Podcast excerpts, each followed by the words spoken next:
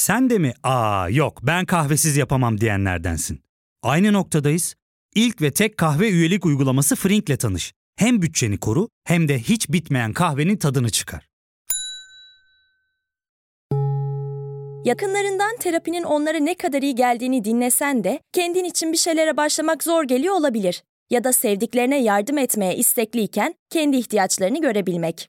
Hayvel, uzman psikologlarıyla kendi ihtiyaçlarını bulmanda sana destek olacak. Terapi yolculuğuna başlamak için detaylı bilgi bölümün açıklamalarında.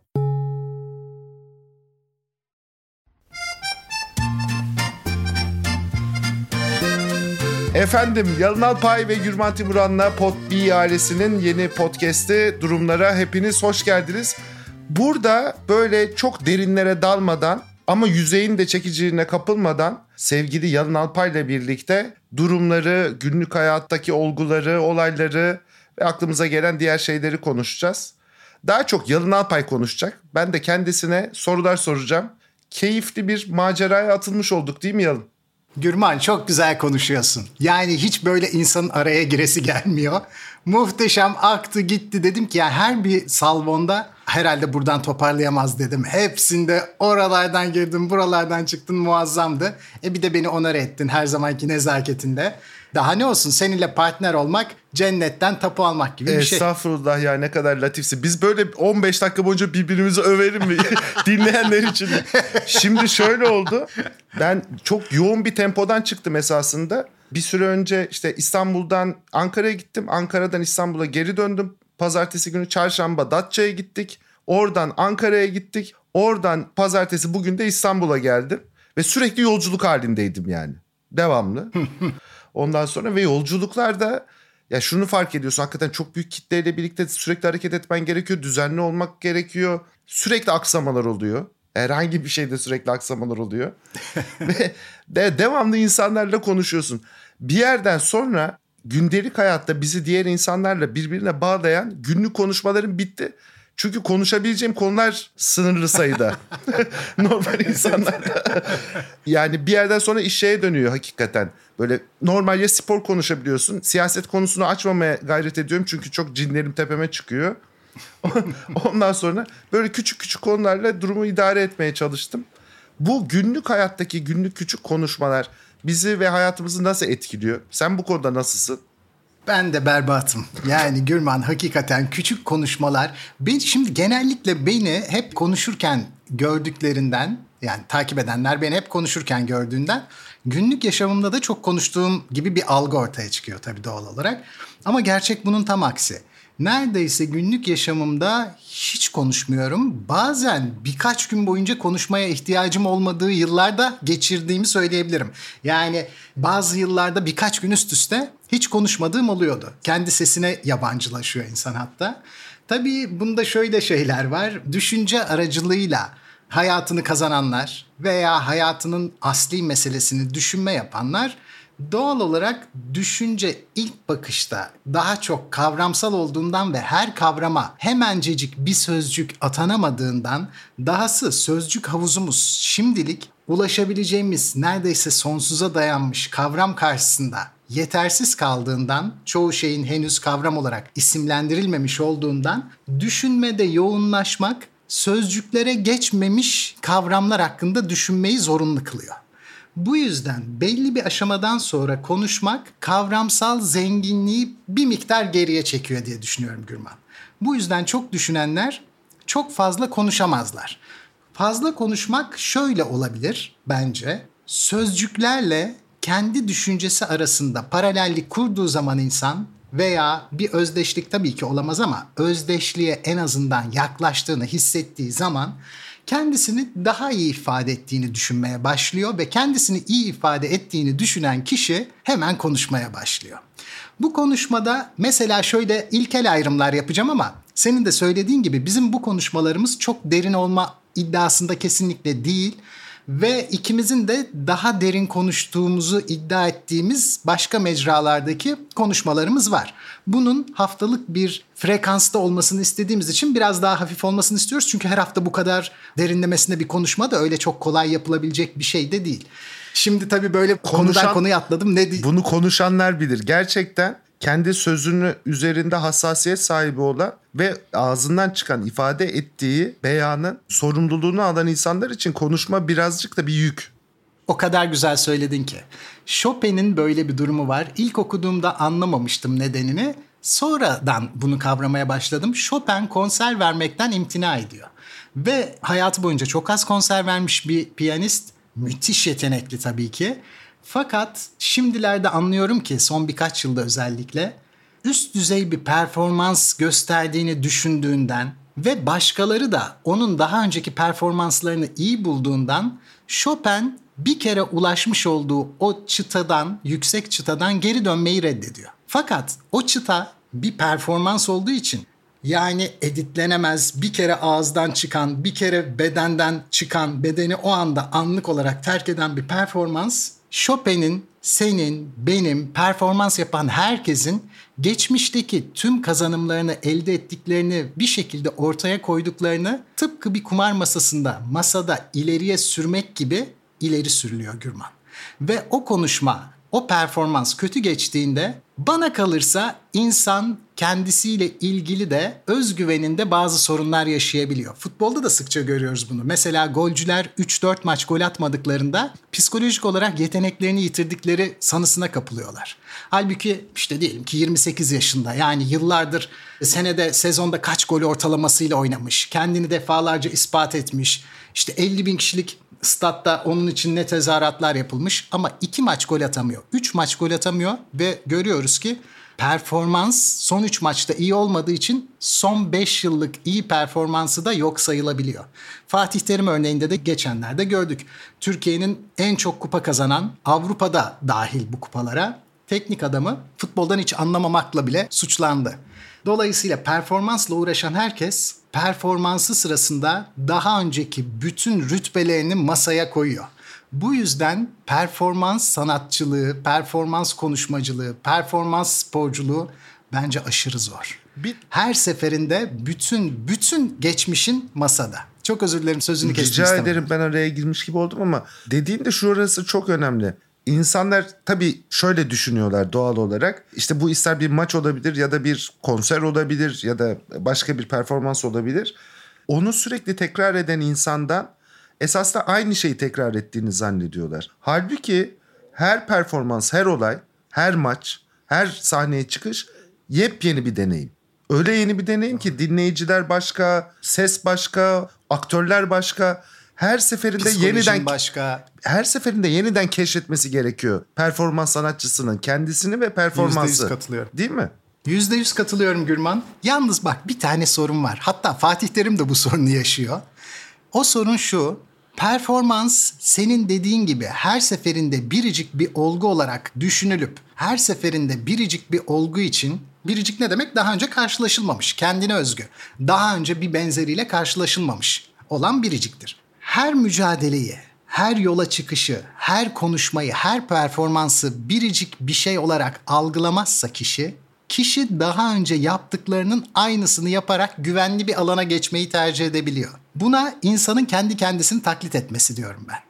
Fatih Terim'de bunu görüyoruz mesela. Fatih Terim en başarılı olduğu dönemlerdeki jest, mimik, konuşma, tonlama bunları en başarılı olduğum dönemin dışa vurumu olarak bir şekilde kendi kafasında pozisyonlamış ve daha sonra bütün şartlar değişmiş olmasına rağmen ve Fatih Terim'de bütün o potansiyel kendini özgün, biricik her türlü olayda yeni karar alma, yeni taktik geliştirme, olayı başka türlü tansiyonunu tutma yeteneği olmasına rağmen öyle sanıyorum ki her hafta çıkılan ve her hafta milyonlarca kişinin eleştirisiyle sonuçlanan bir zor performans için bu kadar yıldan sonra kendine güvenli bir alan seçmek istiyor ve özgünlükle mücadeleyi kendi kendine en iyi olduğu dönemini düşünerek o dönemi taklit etmenin içine giriyor. Bu hepimiz için her zaman tetikte bekleyen bir tehlike ve risk.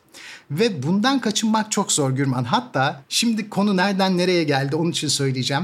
Seninle bu programı yapmaya başlayacağımız belli olduğunda bu risk beni korkutuyordu. Yani üstelik şu anda da korkum geçmedi çünkü henüz bizim yolculuğumuz çok yeni. Beni korkutan şey şuydu. Haftalık bir konuşma periyodu ya beni istediğimden daha niteliksiz konuşmalar yapmaya alıştırırsa diye bir endişe duyuyorum. Bu endişede de insanın fiziksel enerjisinin tabii ki bir limiti var. Senle ben hayatlarımızı kazanmak için birbirinden ilintisiz çok farklı şeyler yapıyoruz ama hepsi düşünce işi. Fakat bu düşünce işleri birbirlerini korelasyonları düşük olduğu için çok sağlam bir biçimde desteklemiyorlar. Dolayısıyla bizi daha çok parçalayan bir özellikleri var. Küçük her zaman kendi başına da bir bütün olduğu için büyük bir bütüne göre birim maliyette daha çok enerji yakıyor. Bu yüzden öyle düşünüyorum ki sen ve ben ve bizim gibi çalışanlar toplam tek bir işle uğraştığında aynı büyüklük için harcayacağı enerjiden çok daha fazlasını harcamak zorunda ve her seferinde peş peşe gelen deadline'lara kendini olabilecek en iyi şekilde hazırlamak zorunda ve deadline biter bitmez yeni bir mücadelenin yeni bir şartlarına adaptasyon sağlamak zorunda. Bu yüzden hiç bitmeyen bir meşakkatli süreç var ve bu meşakkatli sürecin sonunda oturup sevinmeye, kutlamaya, başarılı olup olunmadığına göre ki hani başarılı olduğumuzu varsayalım. Başarıyı kutlamaya bile vakit yok. Ve başarısızlığa kahrolmak için her zaman vakit var maalesef. Fakat başarıyı kutlamak için hiç vakit yok. Ve bu hayatın küçük güzel pek çok şeyini gözden kaçırmamıza yol açıyor. Bence bu küçük güzel şeylerden bir tanesi de küçük konuşmalar. Şöyle bir ayrım yapacaktım. Biraz önce biz konuşma tam böyle dallanıp budaklandı birden çok güzel açıldı bence. Şimdi ben tekrar konuşmanın o açılmasını daraltma pahasına, biraz sıkıcılaştırma pahasına aklıma gelen bir şeyi söyleyeceğim. Sonra sen eminim oradan müthiş şeyler çıkaracaksın yine. İçe dönükler ve dışa dönükler olarak insanları ikiye ayırıyoruz ya. Dışa dönükler tabii ki biliyoruz ki ortama girdiğinde hemen dışarıyla kendisinin dışına atılabilen, başkalarıyla empati kurabilen, başkalarına kendisi için sempati duyurtabilen, kendi söylediklerine güvenen, varlığını sorun olarak görmeyen, varlığını içine katıldığı toplumda bir fazlalık olarak görmeyen, aksine oradaki toplumu varlığıyla şenlendirdiği kanısında olan kişilik. Tabii çok yani e, büyük büyük anlatıyorum şey. Tabii tabii tabii. Yani ayrıntısız böyle hani çok kabaca. Evet. İçe dönüklerse genellikle şöyle oluyor. Kendi dünyasıyla ilgilenen kişi kavramsal olabilir, ruhsal olabilir, işte duygusal olabilir, duyusal olabilir. Fakat dış dünyadan çok dış dünyanın kendi üzerindeki etkisi üzerine yoğunlaşmış kişi tanıdık, ortak kavramlara sığınamaz Gürman. Dışa dönük olan dışarıyla ilişki kurduğu için dışarının kabul ettiği kavramlarla barışıktır ve o kavramlar onun için yeterlidir. Bu onun küçümsenecek falan bir şey olduğu anlamına gelmez. Aksine dışa dönüklük zordur. Sadece hani bir betimleme yapmak için söylüyorum. Bu yüzden konuşma sırasında herkesin ortak anlamlar kattığı sözcükleri kullanmakta herhangi bir tereddüt göstermez. Rahatlıkla bu konuşmayı dışarı atar. Ve bu konuşmada herhangi bir hata yapıyor muyum, yapmıyor muyum, başkalarına karşı ben fazlalık mıyım, değil miyim gibi kuşkular duymadığı için özgüvenli konuşur, rahattır, konuştuğu içeriğin doğru olup olmaması önemli değildir. Çünkü güvenli sularda gitmeyi sever. Zaten daha önceden onaylanmış politik doğruculuk gibi düşün yani. Onaylanmış güvenli bir alan yani içerisinde toplumdaki daha sürdürür. önceki ilişkilerinde onaylanmış, test edilmiş ve kendisi açısından doğru feedback aldığı konular, düşünceler ve ifadeler Müthiş üzerinden açıkladın gider. biliyor musun? Kesinlikle böyle evet. Çok çok güzel ifade ettin. Hemen birkaç cümlede olağanüstü boyadın burasını. İçe dönükse hiçbir kavramın dışarıda da kendisine hissettirdiğiyle aynı kavram olup olmadığı konusunda emin olamaz. Çoğu düşündüğü şey daha önce ortak dünyada dillendirilmemiştir. Bu yüzden bunların ayıplı mı olduğunu, başkaları için kırıcı mı olduğunu, kendisini toplum içinde ahmakmış gibi göstereceğini sürekli kuşkulanarak kendi içinde büyütür. Onun için toplumsallaşma kendi alışık olmadığı bir dışsal akreditasyon içerisinde yuvarlanıp gitmektedir. Fakat içe dönük dışa akredite olmakta sorun yaşamaktadır. Bu sorun kendi yetersizliklerinden olabileceği gibi kendi overqualifiedlığından da olabilir veya denk bir dış dünyayla denk bir içe dönük kavramlara farklı anlamlar verme konusunda yoğun bir inatlaşma ve ısrar gösterdikleri için iki taraf arasında anlaşma zemininin sözsel olanakları ortadan kalkmış olur. Böylece içe dönük kendi konuşmasının kendi düşündüklerini hiçbir zaman ortak alanda doğru şekilde ifade edemeyeceğini düşündüğünden her konuşmaya kuşkuyla yaklaşır. Onun için her konuşma bir performanstır Gürman. Bugün konuşmamızın başında senle performans yapmanın ne kadar zor olduğu üzerine konuştuk. İçe dönük birisi için günlük her konuşma bir performansa dönüşmüştür. Çünkü kendi içinden geldiği gibi konuşmaz, sınanmış olan güvenli alanın içinde kalmak istemez, kendi kavramsal bir dünyası vardır. Bu dünyanın derin ya da sığ olması önemsizdir. Önemli olan dünyanın kendine ait olması yüzünden dış dünyayla sözsel anlamda denk gelmiyor oluşudur.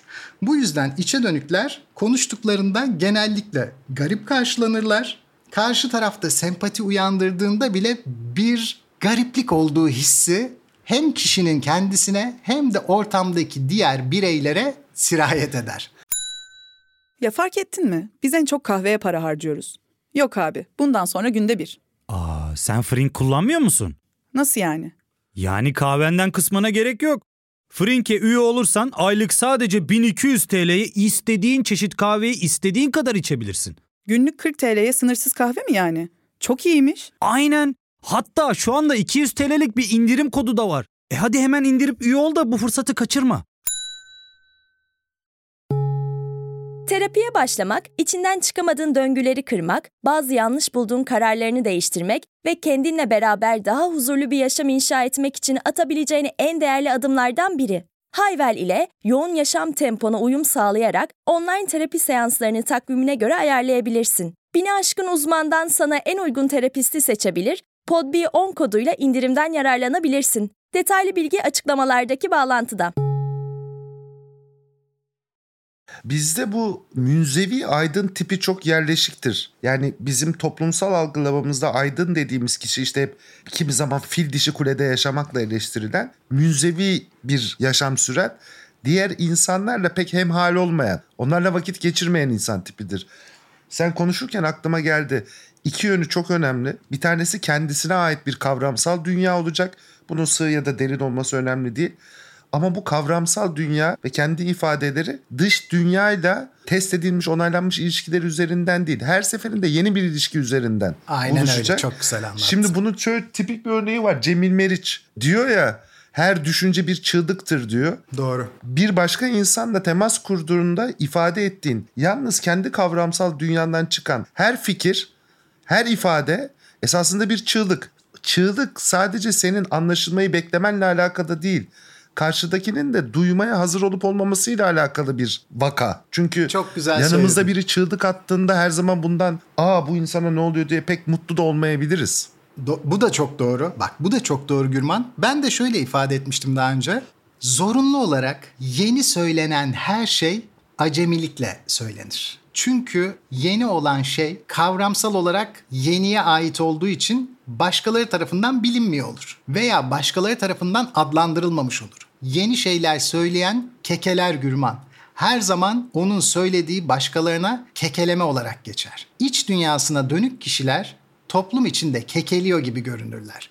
Kekeleyen kişiler toplumsallaşamadıklarından kendi görüşleri açısından yani kendilerini gündelik akışkan sohbetin içine bir el freniymiş gibi düşündüklerinden toplumsal hayata girdiklerinde kabul görmemeleri yüzünden de ona katılmazlar.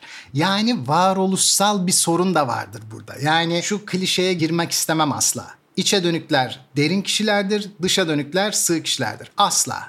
İçe dönükler varoluşsal olarak da içe dönük olabilirler. Yani belki de başkalarının yanında kendisini nedensiz şekilde fazlalık olarak gördüklerinden. Mesela çok uzun yıllar önce yani belki 90'ların başında Varlık dergisinde bir öykü okumuştum. Görünmezlik üzerine öykü. Fakat görünmezlik bir süper insanın özelliği olarak görünmezlik değil.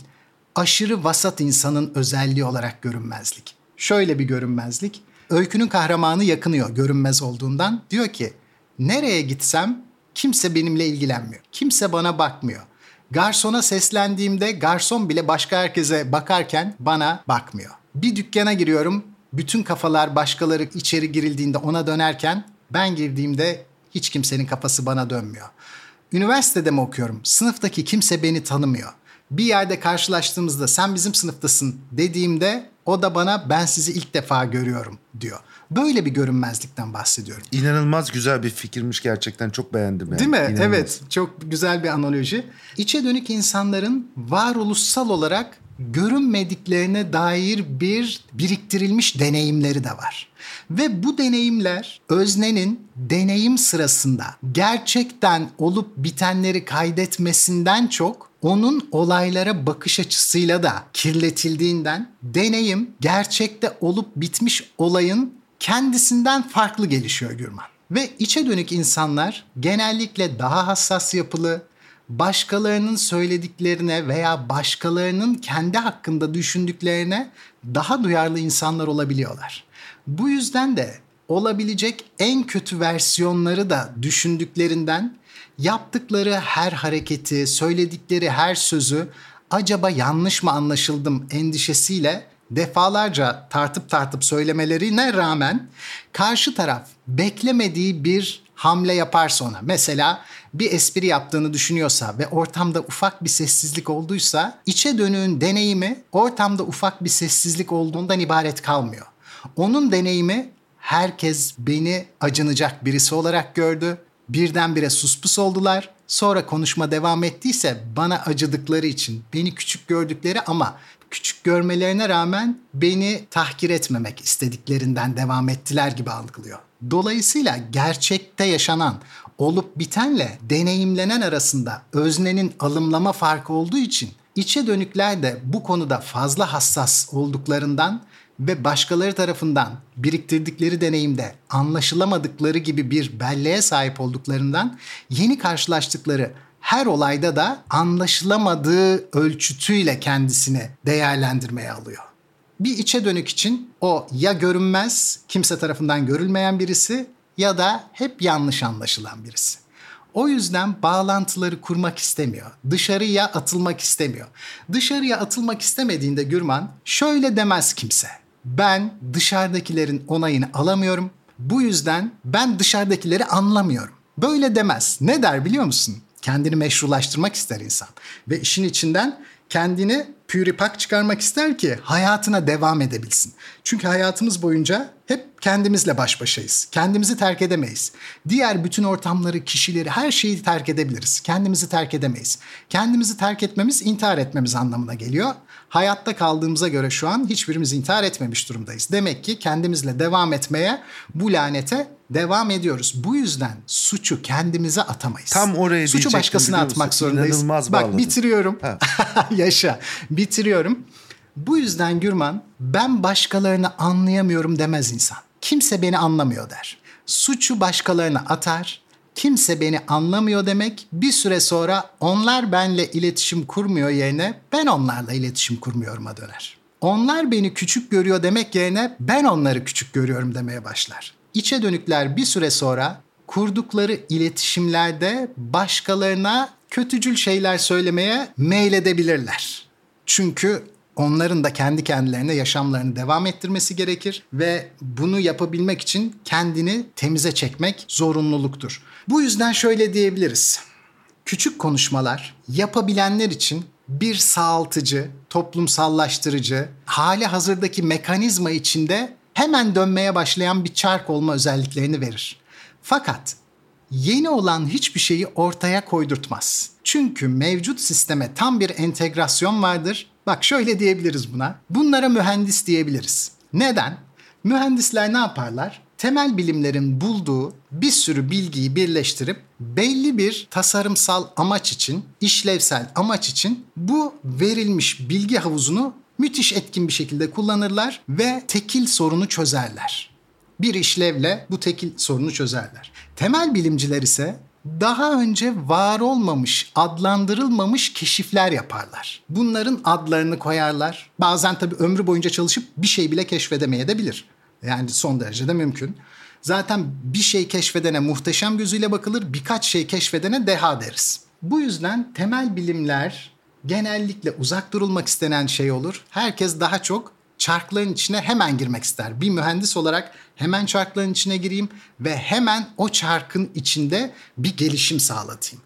Ama temel bilimci çarkın dışına çıkar. Başka makinaların olasılıklarını test eder. Bu yüzden de o muhtemelen çoğu zaman diğer mühendisler tarafından tercih edilmez. Çünkü var olmayan bir sistem üzerinde yeni bir vaat vermektedir. Fakat vaat başkalarınca alımlanmadığı için bir mühendis tarafından belli işlevleri çözmek için kullanılacak bir altyapı olarak görülmez.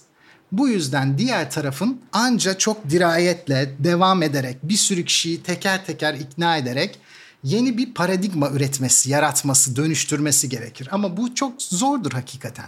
İçe dönükler mecburen tabii hemen hali hazırda işleyen çarka dönüşemedikleri için kendilerini temel bilimlerdeki gibi dışarı almak zorunda kalırlar ve yaratıcı işlere giderler. Yani şundan o da mevcut sistemle uyum sağlayamayan ya kendini değiştirmelidir ya sistemi. Kendilerini değiştiremeyenler sistemi değiştirmeye gideceklerdir. Dolayısıyla onların üzerindeki bası küçük konuşma gibi sistem içine hemen entegre olan bir yapıya denk gelemez. Bu yüzden onların ya hiç konuşmaması gerekir ya da çok büyük büyük konuşmaları gerekir. Büyük büyük konuşmadan da şunu kastediyorum. Madem bu kadar ana akımın dışındasındır, o zaman ana akımın dışındaki bağlantıları, fikirsel örüntüleri, var olmayan, keşfedilmemiş, icat edilmemiş kavramları düşünebilmen ve bunları söze dökebilmen gerekir. Fakat Gürman, şimdi deminki temel bilimcinin başına gelen gibi işte o zaman hiç anlaşılmayan bir terminolojiyle konuşan, başkaları için hali hazırda somuta dönmemiş örnekler veren, sürekli soyutta kalan, bu yüzden de ne söylediğinin anlaşılmamasının yüksek ihtimal olduğu bir kekeleme konuşması ortaya çıkar. Ve kekeleyen konuşmanın mekanizmaya dahil olması daha da güçleşir. Bu yüzden sen, ben veya işte bizim gibi böyle daha kavramsal düşünenler, daha soyut üretim yapanlar günlük konuşmalarda kendi kavramsal konuşması bile zorunlu olarak oldukça kekeleme olacağından diğer tarafa entegrasyonda maksimum zorluk yaşar. Fakat ilginç olanı söylüyorum şimdi. İlginç olan Gürman. Çünkü Gürman small talks da yapıyor. Hatta şöyle oldu. Seninle çok yeni bir anımız var bu konuda. Gürman beni geçen hafta veya ondan önceki hafta bir işte çarşamba akşamı bir yere davet etti. Ben dedim ki Gürman ben small talks'ta çok zorlanıyorum. O yüzden hiçbir daveti kabul etmiyorum. Yani hiçbir yere gitmiyorum. İşte ne açılışlara ne ona ne buna. Kendim konuşmacı değilsem gitmiyorum. Kendim konuşmacıysam da yani gidip en arkalarda oturup başkalarının konuşmasını dinlerken kimsenin beni görmemesine çalışıp çabalayıp kendi konuşmam gelince utana sıkıla işte kürsüye gelip birdenbire normal bir insana dönüp konuşmaya başlayıp sonra kürsüden inip hemen oradan sıvışmaya çalışan birisi oluyorum. Bu yüzden benim konuşacağım bir şey bile değilse kendimi gittiğim o yerde neden orada olduğumu anlamlandıramadığım bir pozisyonda buluyorum ve kısacık konuşmalar işte yeni tanışmalar veya işte birbirimize entelektüel camiadan veya cemiyet hayatından tanıdığımız henüz daha göz göze gelmediğimiz fakat birbirimizi işte ekrandan, podcast'ten, YouTube'dan tanıdığımız kişilerle selamlaşma ve küçük konuşmalar oluyor. Dedim ki Gürman'a, Gürman ben böyle yerlerde zorlanıyorum. Gürman da dedi ki ya sen merak etme biz seninle ikimiz takılırız. Biz kendi kendimize konuşuruz. Başkaları geldiğinde onlara merhaba deriz. Sonra biz tekrar konuşmaya devam ederiz. Tabii ben şeyi unutmuşum o akşam gerçekten atölyem vardı. Beni de kurtarmış oldu. Yok bu konuda iyi bir wingman'imdir. Yani şöyle söyleyeyim. Senin demin dediklerinden tabii şöyle bir şey hatırlatma sorumluluğu hissettim. Kavramsal çerçevede anlatırken beyazla siyah arasındaki kontrastı yükselterek durumu daha net görmeye çalışıyoruz. Ama insanlar Tabii. günlük hayatlarında beyaz ve siyah noktasında değil. Çok güzel. İçe dönük Doğru. olduğumuz, dışa dönük olduğumuz anlar var ve bunların her biri birer performans. Bazen Çok doğru. hassasiyetle birlikte hassasiyetin yarattığı ve çok kolay dönüşebildiği öfke bizi belli ilişkilerden, sorumluluklardan, toplumsal hayat içerisindeki faaliyetlerimizden alıkoyduğu gibi bazı durumlar da kendimizi kaptırarak kendi içimize bakma cesaretinden, düşünceler ve kavramlar üzerinde düşünme sorumluluğundan da alıkoyabiliyor. Her etkileşim bir üretim küçük konuşmalar da böyle güzel bir üretim. Üretimin şöyle bir boyutu da var. Üretim sadece ürettiğin şey, ortaya koyduğun şey dış dünyaya bir etkide bulunmuyor. Üreten şahsı da değiştiriyor o üretim sürecinin kendisi. Dolayısıyla her gün yeniden değişiyoruz. Her gün yeniden bunlara maruz kalıyoruz ve içimizde yaşıyoruz. Bazen durup bakmakta çok fayda var. O yüzden sana çok teşekkür ederim Yalın. Yani beni de böyle derin düşüncelere gark ettin. Gün, Gürman ben teşekkür bu ederim. yolculuklar Dostum, içerisinde nasıl konuyu. değiştim acaba diye düşünmeye başladım şimdi. Yaşa. ya Gürman bir tanesin. Bu arada yani bizim de senle yüz yüze geldiğimiz anlar 4-5 kere ama birbirimizin arasında iyi bir bağlantımız var. Yani seninle transandantal bir ilişkimiz var. Çünkü yani seni çok dostum olarak görüyorum yakın çevremden. Yani böyle sayacağım 10 kişi olsa bir tanesi Gürman. Bu da hoşuma gidiyor. Small talks dostluk için zorunlu bir şey değil yani. Değil tabii canım. Yani kesinlikle değil. Ben de seni sevdiğimi söyleyeceğim ama transatlantal kelimesini kullanmayacağım. Yanında. bir dahaki bölümde görüşmek üzere diyelim mi? Harikasın. O zaman herkesi selamlıyoruz. Bu güzel yayında emeği geçen herkese de teşekkür ediyoruz. Görüşmek üzere sevgiler. İlk ve tek kahve üyelik uygulaması Frink, 46 ildeki 500'den fazla noktada seni bekliyor. Açıklamadaki kodu girerek sana özel 200 TL'lik indirimden faydalanmayı unutma. Hadi sen de Frink üyeliğini başlat, kahven hiç bitmesin.